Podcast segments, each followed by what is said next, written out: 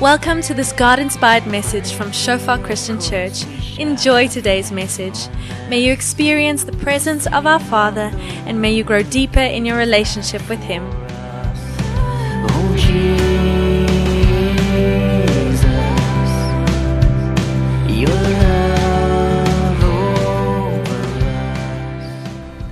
Welkom almal vir eh, die van julle wat is. My naam is Wian. Ek sien pastoor hier en is my eer en voorreg om vanoggend hier te kan wees en die woord van God met julle te kan deel. Ek gaan 'n bietjie bou op wat Maria laasweek gesê het. Maar as jy dit gemis het, moenie worry nie. Dit staan half op sy eie en hy is nog steeds by wees met wat aangaan. Maar voordat ek begin, kom ek open net vir ons in gebed. Ja Here, dankie vir u goedheid, Vader. Dankie vir u guns. Dankie vir u gemeente, Here, wat saamkom, Vader, om u naam op te lig, Vader. Dankie Heilige Gees dat hierdie een is wat ons bekragtig vir die werk, Here, wat U ons geroep het om te kom doen. Dankie Jesus vir die voorbeeld in alles wat U ons roep om te doen, Here. Dankie dat U vir ons kom wys het wat dit beteken, Here, om te lewe volgens U wil. Dankie dat U vir ons die krag gee, U vir ons die genade gee om te doen wat U ons geroep het om te doen, Vader. Vanoggend kom bid ek vir bereidwillige harte, Here. Ek kom bid vir oop hart Here. Dat ons onsself sal sal sien Here, dat ons u woord sal laat inkom Here, dat ons met nederigheid dit sal ontvang. Die woord wat ons siele kan red Here. Dankie Heilige Gees dat u hier is. Mag geestelike waarheid openbaar aan die wat geestelik is. In Jesus naam. Amen. Ek wil 'n 'n bietjie aanbou op wat Maria laasweek oor gesels het. Hy het gesels oor die pad van heiligmaking. Dat ons kom uit E4 uit, baie mense het verlossing en vryheid ervaar. Ons is deur 'n jaar en ons is nou op pad vakansie toe en die vraag wat ons onsself vra is maar hoe kan ek aanhou groei? Hoe kan ek aanhou groei terwyl ons nou uit hierdie uitgekom het, terwyl ons nou op pad is vakansie toe? Jy weet die wêreld se idee van vakansie wat dit vir ons gee is om passief iewers anders te gaan sit. Dis die wêreld se idee van rus. As jy moeg is, as jy oorlaai is, as jy angstig is, as jy depressief is, gaan vergeet gou vir 'n rukkie daarvan. En gaan sit iewers anders en doen iets anders en miskien werk dit dan. Maar die skrif sê vir ons dat waar ons rus kry is by Jesus. Soos wat Maria ook gesê het. Om na hom toe te gaan, Matteus 11, Jesus sê kom na my toe en ek sal jou rus gee. Jesus is die een wat rus gee. En dan moet ons ook besef dat as ons nie rus het nie, is ons nie naby aan die een wat rus gee nie want hy gee rus. En soos wat ons ons vakansies beplan en alles moet ons ook dan besef dat as ek terugkom van vakansie af en ek het nie meer tyd om God spandeer nie, ek het nie 'n groter openbaring van wie hy is, wat hy van my verwag en wat sy woord sê nie, dan het ek my tyd en my geld gemors. Dan was dit te vergeefs. Want ek net van dit vergeet en as Januarie, Februarie kom dan se ek weer moeg, weer depressief, weer angstig, weer geïrriteerd, weer sonder geduld. Want ek was nooit by Jesus nie. En Maria sê vir ons die pad van heiligmaking het hy drie punte uitgelig. Een is om tyd in God se woord te spandeer, om tot God te nader, soos ek nou net genoem het. Dan is dit ook om ons gedagtes gevange te neem en dan ook te dien en tyd saam die gemeenskap te bestudeer. En vandag wil ek bietjie bou daarop sodat hy gepraat het van die pad van heiligmaking, wil ek gesels oor die doel van heiligmaking. Dan hy vraag wat ons baie keer vra, wat sou Jesus doen? Wat sou Jesus doen? What would Jesus do? Die doel van heiligmaking, wat is dit? Jy weet dan bietjie moeilik om nou te deel maar. Skrif sê vir ons, jy weet Paulus skryf vir die kerk dan sê hy toets jouself. Kyk of jy nie geloof is. Of het Christus werklik in jou gevorm? En gisterand kon ek nie slaap nie. En ek dink net aan die tradisionele Afrikaner. En waar deur hy gaan. Te vergeefs hou die tradisie van mens voor as die woord van God. Met water besprinkel toe hy 'n babietjie was, 'n valse idee van die ewige lewe wat hy nooit gekry het nie. En ons sien ons, ons lewe is uit lyn uit met God se woord. En ons sê ons maar ons glo mos. Maar ons glo mos. Maar ons toets nie en kyk of dit Christus in ons gevorm nie. En dan sê die woord eendag gaan die hele mensdom voor God staan. Knie gebuig. En soos een man gaan stemme bely, koning van alle konings, Here van alle Here, naam bo elke naam, Jesus Christus. Maar vir meeste van ons belydenis te laat. Te laat. En vanoggend so wat ons hier deur gaan, vra ek vir ons kyk. Toets jouself of jy regtig in die geloof is. Het Christus werklik in jou gevorm? Het ons nie die lewe deurgaan met die gesegde ek glo mos. En eendag as ek daai ware belydenis gee, is daai belydenis te laat, want die tyd van verlossing is verby. Dis en as ons praat van die doel van heiligmaking, dan moet ons weet waantoe ons groei. Hoe lyk dit? Wat beteken dit om te groei? Want soos Marie ook gesê het, as ons nie aktief groei nie, dan is ons besig om afvallig te raak. Dis jou twee opsies, maar ons nie 'n 'n neutrale posisie nie. Daar's nie 'n gestop hier so ek sal volgende jaar weer groei nie. Of ons is aktief besig om te volg en te groei. Of ons is besig om afvallig te raak, apostheid, soos wat die Engels sal sê. State of apostasy, hierdie mense draai weg van God of maar as ons hom volg, dan sal ons groei.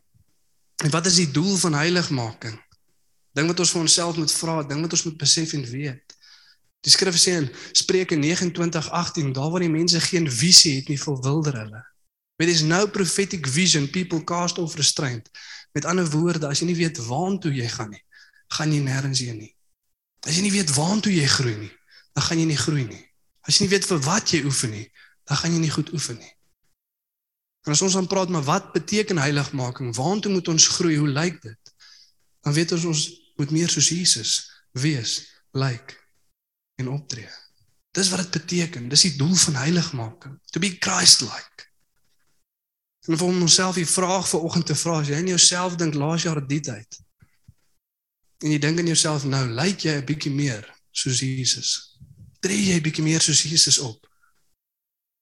Het Christus in jou gevorm? Toets jouself. Kyk of jy nie geloof is. Het Christus werklik in jou gevorm? Lyk jy bietjie meer soos Jesus? En ook dan 'n vraag, maar waaraan meet ons dit? Waaraan het jy nou net gedink? As ek vra lyk jy bietjie meer soos Jesus, wat is die ding wat in jou kop opkom? Waarteen meet jy dit? Jy sien maar daar's twee aspekte waaraan ons moet groei en dit is in karakter en bediening.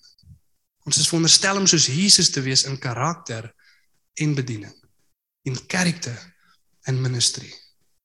En die een kan nie sonder die ander een daar wees nie. As die bediening daar is maar die karakter is nie daar nie, dan doen ons uit die verkeerde plek uit. Mense kry seer en groei is nooit daar nie. En as die karakter nie daar is nie, dan is die bediening ook nie regtig daar nie. En as die karakter daar is, dan sal die bediening daar wees, want dis waartoe dit ons lei. En ons wil vandag na dit kyk.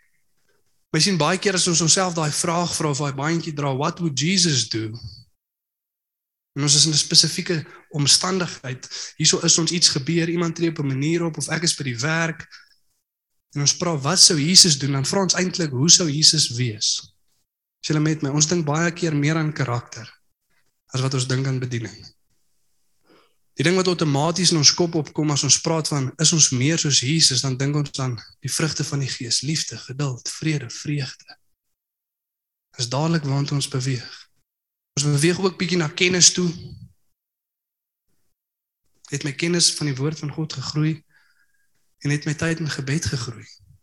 My sien is die ander aspek, die bediening gedeelte wat eintlik vir ons wys waar ons regtig is. En dit sal daar wees as ons groei in die res. Ons moet groei in karakter en in bediening. En ek weet nie van julle nie, maar 'n goeie plek om te begin as ons wil weet wat sou Jesus doen, is om te weet wat het Jesus gedoen. Maak sin? En ons kan nie die vraag antwoord wat sou hy doen as ons nie weet wat het hy gedoen nie. Sien as ons nie Christus regtig ken nie, as ons nie regtig weet wie Jesus is nie en ons vra vir onsself daai vraag, dan is dit net ons idee van wat God dalk kan sou wou wees. Geprojekteer in 'n sekere situasie. En eintlik wat ek maar vir myself vra is wat sou ek doen as ek 'n regtig goeie mens was? Maar ons moet weet wat Jesus gedoen het. As ons die vraag wil antwoord wat sou Jesus doen? En ons gaan kyk vandag na 'n stuk skrif in Johannes 17, Jesus wat die hoëpriesters gebed bid. Baie goeie stuk skrif. Jy weet reg deur die evangelies, dan sien ons hier regtig die inhoud van Jesus se gebede wat opgeteken word nie. Ons sien dit as hy Lazarus uit die dood uit opwerk 'n vinnige stuk. Ons sien Jesus wat bid in die tuin van Getsemane 'n vinnige stuk en ja, hy leer sy disippels om te bid, maar die skrif sê baie Jesus het gaan bid, hy het homself afgesonder, hy het op 'n berg gegaan, hy het vroeg opgestaan. Maar min word die inhoud van daai gebed vasgevang en hier in Johannes 17 kry ons die inhoud van die gebed wat Jesus bid vir sy disippels en ook so vir elkeen wat sou glo. En in die Hebreëse taal en in die Griekse taal as hulle iets wou beklemtoon, dan herhaal hulle dit. Dis as Jesus sê, werklik, werklik, ek sê vir julle, sy laring, hierdie is belangrik. Neem kennis. En soos wat ons deur hierdie stuk skrif lees, hulle sien ons 'n paar goed wat herhaal word. En ons gaan kyk na twee punte van karakter en twee punte van bediening vanoggend. En ek vra dat ons eerlik en opreg na ons eie harte sal kyk. So wat Paulus ook skryf, moenie meer van jouself dink as wat jy moet nie, maar kyk met 'n nugter oë na jouself. Toets jouself en vra, het Christus werklik in my gevorm. En as jy sien ons dele waar dit nie waar is nie, dan staan die uitnodiging van genade daar. Kom na my toe. Ek sal jou rus gee. Kom na my toe. Ek sal jou maak. Kom na my toe, ek sal jou lei. En dis God wat die werk doen. Ons moet tot hom nader. So kom ons lees lekker saam Johannes 17 vers 1 tot 23. Nadat Jesus dit gesê het, het hy na die hemel toe opgekyk en gesê: Vader, die tyd het gekom. Verheerlik U seun sodat die seun U kan verheerlik. U het hom immers die volmag oor die hele mensdom gegee om aan almal wat U hom gegee het, die ewige lewe te gee. En dit is die ewige lewe dat hulle U ken, die enigste ware God en Jesus Christus wat deur U gestuur is. Ek het op die aarde, ek het U op die aarde verheerlik deur die werk te volbring wat U my gegee het om te doen verheerlik U my nou ook by U. Vader met die heerlikheid wat ek by U gehad het voordat die wêreld bestaan het. Ek het U naam bekend gemaak aan die mense wat U my uit die wêreld gegee het. Hulle het hulle het aan U behoort en U het hulle aan my gegee en hulle het U woord ter harte geneem. Nou weet hulle dat alles wat U my gegee het van U kom, want die woorde wat U my gegee het, het ek aan hulle gegee. Hulle het dit aangeneem en tot oortuiging gekom dat ek werklik van U gekom het en hulle het geglo dat U my gestuur het. Ek bid vir hulle. Ek bid nie vir die wêreld nie, maar ek bid vir die wat U my gegee het omdat hulle aan U behoort. Almal wat aan my behoort, behoort aan U en wie aan U behoort, behoort aan my en ek word deur hulle verheerlik. Ek bly nie langer in die wêreld nie, maar hulle bly nog in die wêreld. Ek kom na U toe. Heilige Vader, bewaar hulle in U naam, die naam wat U my gegee het, sodat hulle net soos ons een kan wees. Toe ek by hulle was, het ek hulle in U naam bewaar, die naam wat U my gegee het. Ek het hulle beskerm en nie een van hulle het verlore gegaan nie, behalwe die een wat verlore moet gaan sodat die skrif vervul kan word. Dis nou Judas. Maar nou kom ek na U toe. En ek sê dit terwyl ek nog in die wêreld is, sodat hulle my blydskap in al sy volheid in hulle kan hê. Ek het u woord aan hulle gegee en die wêreld haat hulle omdat hulle nie tot die wêreld behoort nie, net soos ek ook nie tot die wêreld behoort nie. Ek bid nie dat u hulle uit die wêreld moet wegneem nie, maar dat u hulle van die bose moet bewaar. Hulle behoort nie tot die wêreld nie, net soos ek ook nie tot die wêreld behoort nie. Heilig hulle in die waarheid. U woord is die waarheid. Soos U my na die wêreld toe gestuur het, het ek hulle ook na die wêreld toe gestuur. En ter wille van hulle wy ek my aan U toe, sodat hulle ook deur die waarheid aan U toegewy kan wees. Ek bid egter nie net vir hulle nie, maar ook vir die wat deur hulle woorde tot geloof in my sal kom. Ek bid dat hulle almal een mag wees, net soos U, Vader, in my is en ek in U. Dat hulle ook in ons mag wees, sodat die wêreld kan glo dat U my gestuur het. Die heerlikheid wat U my gegee het, het ek ook aan hulle gegee, sodat hulle een kan wees net soos ons een is. Ek en hulle en U en my, sodat hulle volkome een kan wees, sodat die wêreld kan weet dat U my gestuur het en hulle liefhet net soos U my liefhet. Groot stuk skrif baie goeie wat ons kan uithaal. Was wat ek sê ons gaan hoofsaaklik fokus op hierdie karakter en bedieningspunte. Dit is so mooi hier op die einde waar Jesus weer al praat van die eenheid wat in die kerk is. Wat sal gebeur dan sal die wêreld weet dat God Jesus gestuur het. En die wêreld sal weet dat hy ons liefhet soos wat hy Jesus liefgehad het. Jy sien ons dink baie keer terug in Johannes 13, dan sê Jesus deur die liefde wat julle vir mekaar het, sal mense weet dat julle my disippels is. En hier kry ons nog 'n interessante stelling van wat liefde doen. Wat bewerkstellig liefde? Wat gebeur in die hart van mense wat vol liefde is? Hulle bewerkstellig eenheid. Want ook as ons daai eenheid het, sal mense weet dat ons van God afkom. Maar om dit op te som, is twee verse wat mooi uitbeeld hierdie idee van karakter en ook bediening. Dis vers 3 en vers 4. En ons lees die volgende, vers 3 sê: "En dit is die ewige lewe dat hulle U ken, die enigste ware God, en Jesus Christus wat deur U gestuur is." En nie net 'n kennis van nie, maar 'n verhouding met. En is daai kennis van God, daai verhouding van God wat 'n heiligmakingsproses in ons lewens laat gebeur. Heilig hulle in waarheid. Die woord is waarheid. En dan kom die bediening gedeelte, vers 4. Jesus sê ek het u op die aarde verheerlik deur die werk te volbring wat u my gegee het om te doen. En jy sien vir elke gelowige is hierdie die twee hoofsaaklike doele in ons lewe. Vir elke liewe gelowige. En dit is om God werklik te ken en die werk te volbring wat hy vir ons gegee het om te doen. En al twee van daai moet daar wees. Ons kan nie die een hê en nie die ander een nie. Dis hoekom ek baie keer sê ons dink baie keer aan die karakter van Jesus en ons dink baie keer aan kennis van Jesus, maar as die bediening gedeelte nie daar is nie, dan mislei ons onsself. Jakobus 1:22 sê as jy die woord van God aanhoor maar nie doen nie, dan mislei jy jouself. Dan begin ons dink ons is iemand wat ons nie is nie. Dit gaan aan deur te sê dis soos 'n mens wat na sy gesig kyk in 'n spieël. En hy sien waar dit nie belyn met die woord van God nie, maar die oomblik as hy wegdraai, vergeet hy hoe hy gelyk het. Elke keer as ons die woord hoor, maar nie bereidwillig is om dit uit te voer nie, dan mislei ons onsself en ons vergeet wie ons is. Dit maak my hart seer, die hele volk van Afrikaners wat sê ons glo mos, maar lewe uit lynheid met die woord van God want ons het generasies en generasies gehad wat die woord van God gehoor het, maar nie kon uitvoer nie. Die bediening gedeelte was eenvoudig net nie daar. Daar gaan enige belydenis wees, maar daai belydenis te laat. En hieso sê ek nie dat werke ons red nie. Efesiërs 2 vers 8 sê vir ons dat ons is gered deur genade alleen sodat niemand kan roem nie. Nie as 'n resultaat van werke nie. Sodat niemand kan roem nie, maar dit is die gawe van God. Maar wat sê die volgende vers? Want ons is sy skepping gemaak in Christus Jesus vir goeie werke wat hy vooruit bestem het sodat ons daarin kan loop. Ons is gered deur genade alleen, maar die oomblik as God ons red en ons sy liefde sien, dan begin ons loop en doen wat hy vir ons bestem het om te doen. Altwee moet daar wees, maar dit begin by hierdie kennis. Kennis van God en 'n verhouding met God. Hosea 4 vers 6 skryf die skrywer aan sê die volk gaan ten gronde as 'n gebrek van wat kennis. En omdat julle my verloon het, sal ek julle ook verloon en julle kan nie meer priesters vir my wees nie, so wat die Here sê. As 'n gebrek van kennis.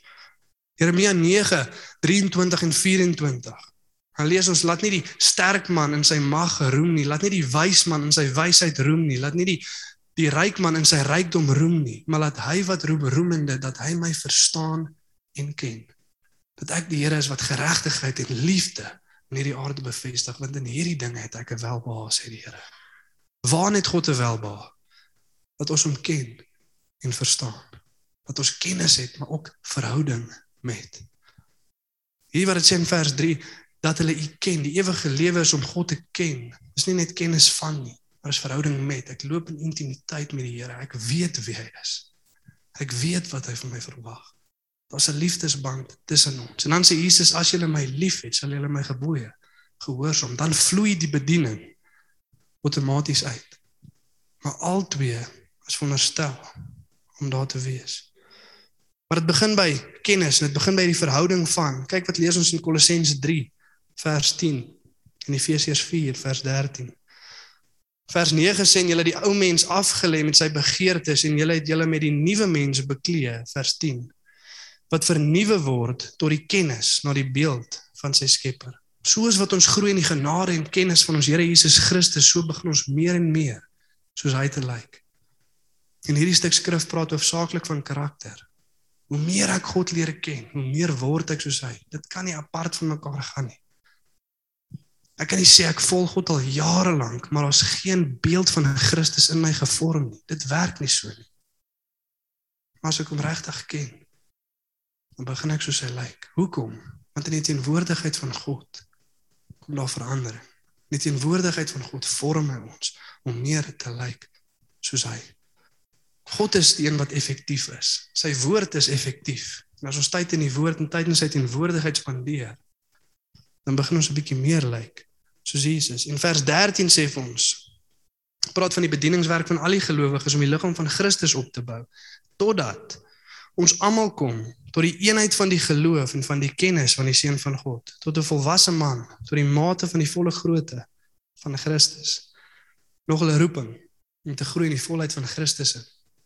Maar weer eens sê dit ja as ons groei en as ons groei in die kennis van God dan wat sal gebeur? Ons sal groei in die eenheid van die geloof en van die kennis van die seun van God. So hierdie twee skrifte praat vir ons hier oor heiligheid en eenheid.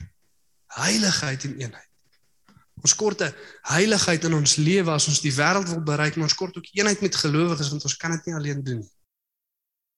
Ons kan nie die wêreld bereik as ons soos die wêreld lyk nie. En ons kan ook nie op ons eie die wêreld bereik nie. Dis hoekom ons in eenheid moet wees met die gemeenskap van gelowiges. En as ek nie in eenheid is vir die mense van God en dan is dit nie omdat ek en hulle in ooreenstemming is nie, maar is omdat ek nie belyn is met God se woord nie. Jy sien, hy is die hoof. Hy gee rigting. Hy bring eenheid. En as elke liewe een van ons gaan en by sy voete gaan sit, sy woord ontvang, sy liefde ontvang en ons kom by mekaar, dan is ons in eenheid.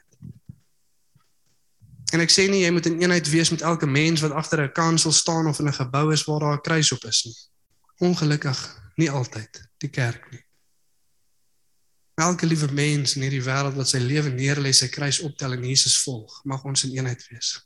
Maak nie saak waar hy sit op 'n Sondag nie. En maak nie saak hoe oulik die gebou lyk of die mense lyk waar hulle sit as hulle nie hulle kruis optel, hulle lewe neerlê en Jesus volg nie, dan sal ons nie in eenheid wees nie. Ons sal in liefde en genade hulle probeer aanmoedig om te groei in heiligheid en te groei in eenheid. Maar ons is veronderstel om in eenheid met mekaar te lewe. En vanoggend wil ek vir jou sê dat as jy nie in eenheid lewe met 'n broer of 'n suster wat regtig God volg nie, dan roep God jou om 'n eenheid te gaan bewerkstellig. Wees gierig om die eenheid te behou. Wat Efesiërs 4:2 vir ons sê. Wees gretig om die eenheid te behou. Maar druk by God in en belyn jouself want ons is geroep tot eenheid en geroep tot heiligheid. Jesus bid hier vir die disippels in Johannes 17. Ons lees in vers 16 en 17 en in vers 22. Dan sê Jesus: "Hulle is nie van die wêreld nie, net soos ek nie van die wêreld is nie. Heilig hulle in waarheid, u woord is waarheid." Sê die kerk is anders as as ons regtig aan God behoort, as ons regtig sy woord ontvang het, as ons regtig sy woord ter harte geneem het. Dan is ons nie van hierdie wêreld af nie, maar teendeel die wêreld haat ons omdat hy sy woord vir ons gegee het. Dis wat Jesus bid. Heilig hulle in waarheid, die woord is waarheid. En dan in vers 22 dan sê dit en ek het hulle die heerlikheid gegee wat U my gegee het sodat hulle een kan wees net soos ons een is. Eenheid.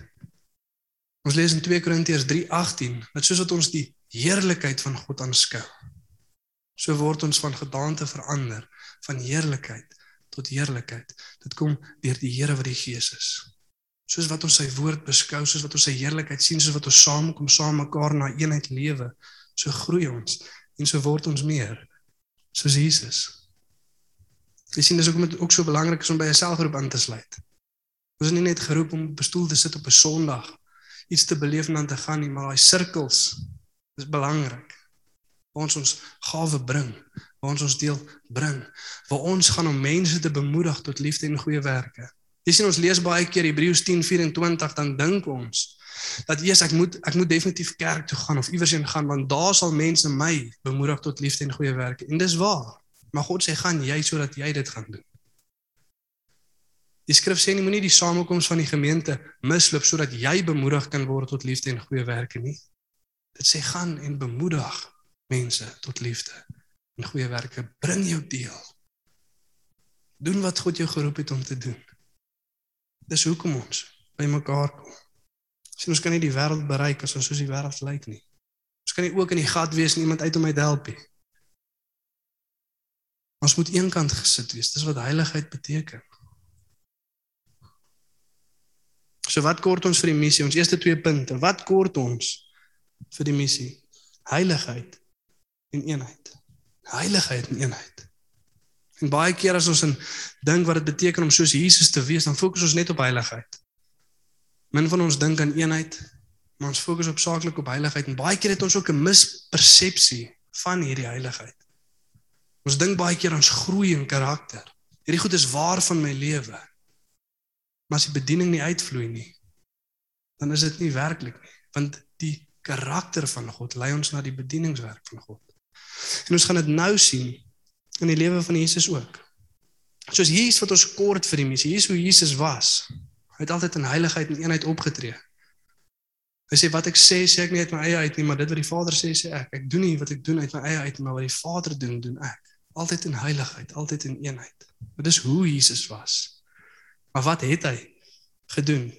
En ek weet baie van ons is geroep na baie verskillende plekke toe met verskillende mense en verskillende werke. Maar hierdie volgende twee punte sal altyd deel wees van wat 'n gelowige geroep is om te doen. En as jy die vraag vra, wat sou Jesus doen in my kerk, my selgroep, my werk, my familie?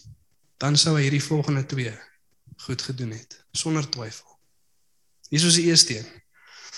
Johannes 17 vers 18, net om te wys dat dit op ons eie lewe van toepassing is. Dit sê soos U my gestuur het in die wêreld, het ek ook hulle in die wêreld gestuur. Die rede hoekom Jesus gekom het, dit waarmee hy besig was, die missie waarmee God hom gestuur het, hy het ons nou ook maar daai selfde missie gestuur.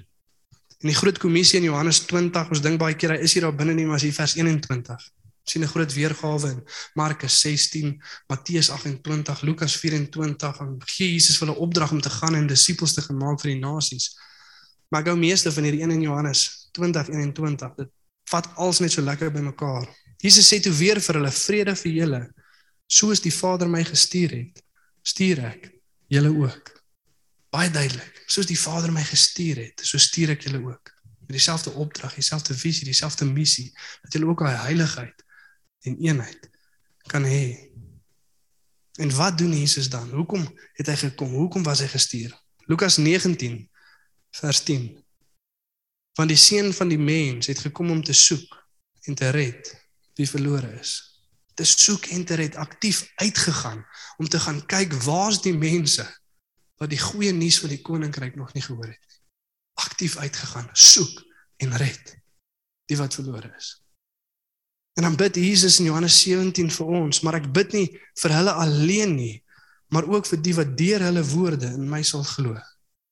Jesus sê nie die wat dalk sal of miskien kan nie, maar hy bid vir die wat ook sal glo. En dis elke liewe een van ons. Jesus het daai gebed gebid, soos wat hy gestuur is, so stuur hy ons. En elke liewe persoon wat deur die woorde van die evangelie tot bekering kom, is hierdie gebed van toepassing op. Jesus het hierdie gebed vir my en jou ook gebid. En soos wat Jesus hulle gestuur het, het hy my en jou ook gestuur. Om te doen wat hy gedoen het en wat het hy gedoen? Hy het gesoek en gered die wie verlore is. Vat ons na punt nommer 1 toe. Wat het Jesus gedoen? Hy het gekom om die wat verlore is te soek en te red. sien ons is geroep om die wat verlore is te soek en te red. As Jesus in jou werksplek is en jy vra jouself die vraag wat sou Jesus doen? Hy sou die evangelie verkondig aan die wat dit moes hoor. Dis wat hy sou doen. Hoe sou hy dit doen? Met heiligheid en eenheid. Maar dis wat hy sou doen. Dit was die missie van Jesus. Hy sou die evangelie verkondig aan die wat dit moes hoor. Hy sou aktief uitgaan om hulle te gaan soek. Van sy karakter dring hom om dit te doen. Sien ons lees in Matteus 9 en toe Jesus die skare sien, toe het hy hulle innig jammer gekry. Die Engels sê compassion. Toe hy die mense sien, het hy compassion gehad. Weer en weer en weer. Die karakter van Jesus lei hom na die bediening toe. Ek kan nie sê ek groei in liefde vir God en mense Maar hy liefde lei my nie om die waarheid te gaan verkondig aan die wat dit moet hoor nie. Terwyl ek sien hoe iemand langs my sit en ek weet sy knie gaan eendag buig, maar sy belydenis gaan te laat wees. Hoe kan ek nie aan hom die evangelie verkondig nie? As die karakter van Jesus in my is, dan lei dit my om te doen wat hy my geroep het om te doen. Paulus skryf in 2 Korintiërs 5:14: Die liefde van Christus dring ons. Want ons het tot die besef gekom dat een vir almal gesterf het, daarom het almal gesterf sodat die wat lewe nie meer vir hulle self lewe nie, maar vir hom wat vir hulle gesterf het en weer opgestaan het. Ons het die bediening van die verzoening ontvang om vir mense te gaan sê in Christus Jesus het God die wêreld met homself versoen. Dit is wat Jesus gedoen het. En ek sê nie jy moet die hele wêreld gaan evangeliseer nie, maar ten minste na een persoon toe uitreik. As ons sê ons wil wees soos wat Jesus is. As ons sê die effek van God se woord het 'n uitvloei in ons lewens. En hopelik groei ek in my vermoë om die evangelie te verkondig aan die wat dit moet hoor. Anders het ek die woord van God net aangehoor, maar ek kan dit nie uitvoer nie en ek mislei en bedrieg myself. Tweedens, wat het Jesus kom doen? Markus 1 vers 17. En Jesus sê vir hulle kom agter my aan en ek sal maak dat julle vissers van mense word. Ek sal julle disippels maak, is wat Jesus sê. Dan in Johannes 17 vers 18 soos hy my gestuur het in die wêreld, het ek ook hulle in die wêreld gestuur. Van ek sal jou visser van mense maak. Maar ek het jou 'n visser van mense gemaak. Ek sal 'n pad van disippelskap saam met jou stap. Tot daai pad van disippelskap is nou klaar. Gaan. Ek stuur jou nou om te doen wat ek jou toegerus het om te doen. En weer eens word daai gebed ook vir ons gebid. Wat is disipel? Disipel is iemand wat God volg en hom gehoorsaam. 'n Disipel is iemand wat soos Jesus die evangelie uitleef, hoe eenheid en heiligheid. Maar ook die evangelie verkondig en ander leer om dieselfde te doen. Dis 'n disipel. Iemand wat soos Jesus die evangelie uitleef, die evangelie verkondig en ander leer om dieselfde te doen. Paulus vang dit mooi op in 1 Korintiërs 11 vers 1 en sê volg my soos wat ek Christus volg. En die vraag wat ek vir ons wil vra volgende is kan jy dit vir iemand sê? Volg my soos wat ek Christus volg. En as hy vir jou vra hoe volg jy Christus en jy het nie 'n antwoord nie.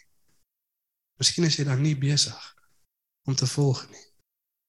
En ek sê nie jy moet alles weet en heeltemal heilig wees nie. As ons wag tot ons heeltemal heilig is en in perfekte eenheid is, dan sal nie een van ons hierdie gebou verlaat nie.